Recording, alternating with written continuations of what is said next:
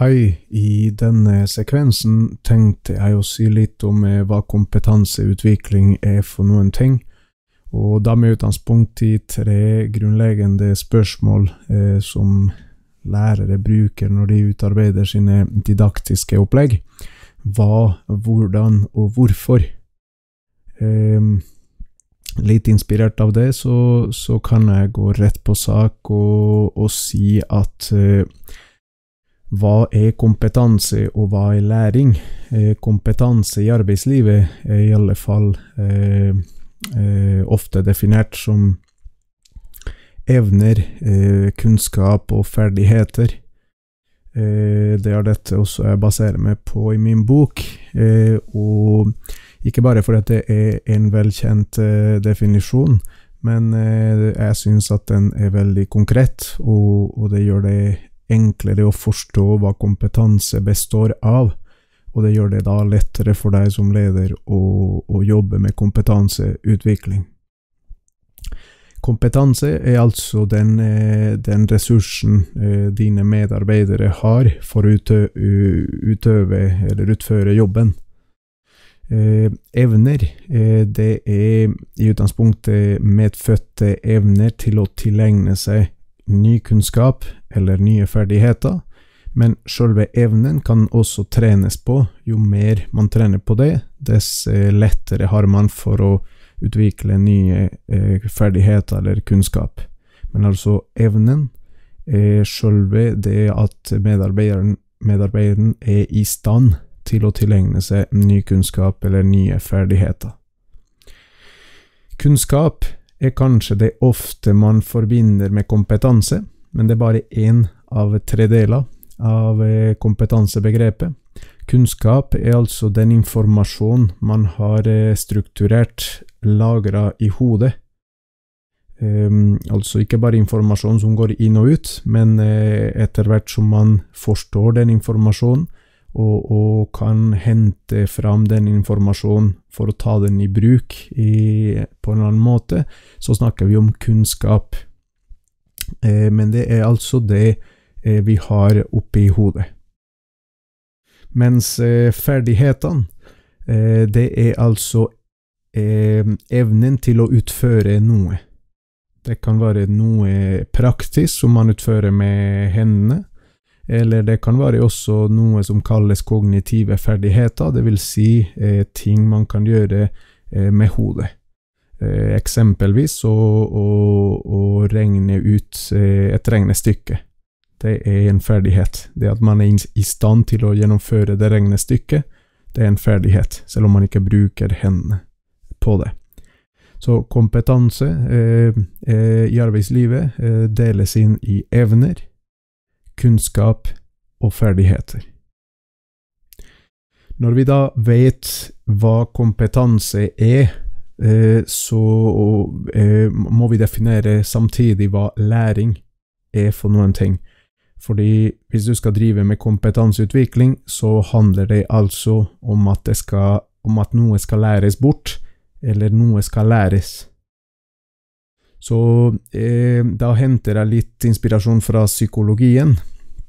Eh, og psykologien, læringspsykologien, definerer læring som en relativ varig endring av faktisk atferd.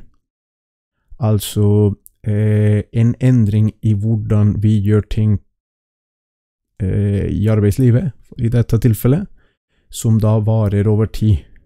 Så en permanent endring i hvordan dine medarbeidere gjør ting.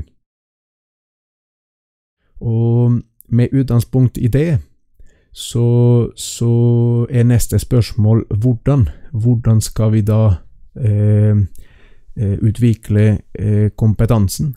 Hvordan skal kompetansen utvikles?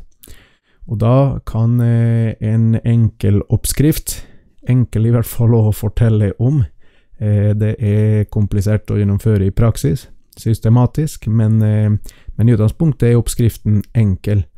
Eh, punkt nummer én definer eh, dagens kompetanse, eller kartlegg dagens kompetanse. Hva kan våre medarbeidere i dag? Hva har de av kunnskap? Hva har de av ferdigheter? I sum, og hvilke evner har de? altså med utgangspunkt i kompetansebegrepet, hva har bedriften totalt sett av kompetanse? Når man da vet eh, dagens situasjon på kompetanse, så er steg nummer to å definere den nye kompetansen bedriften må ha.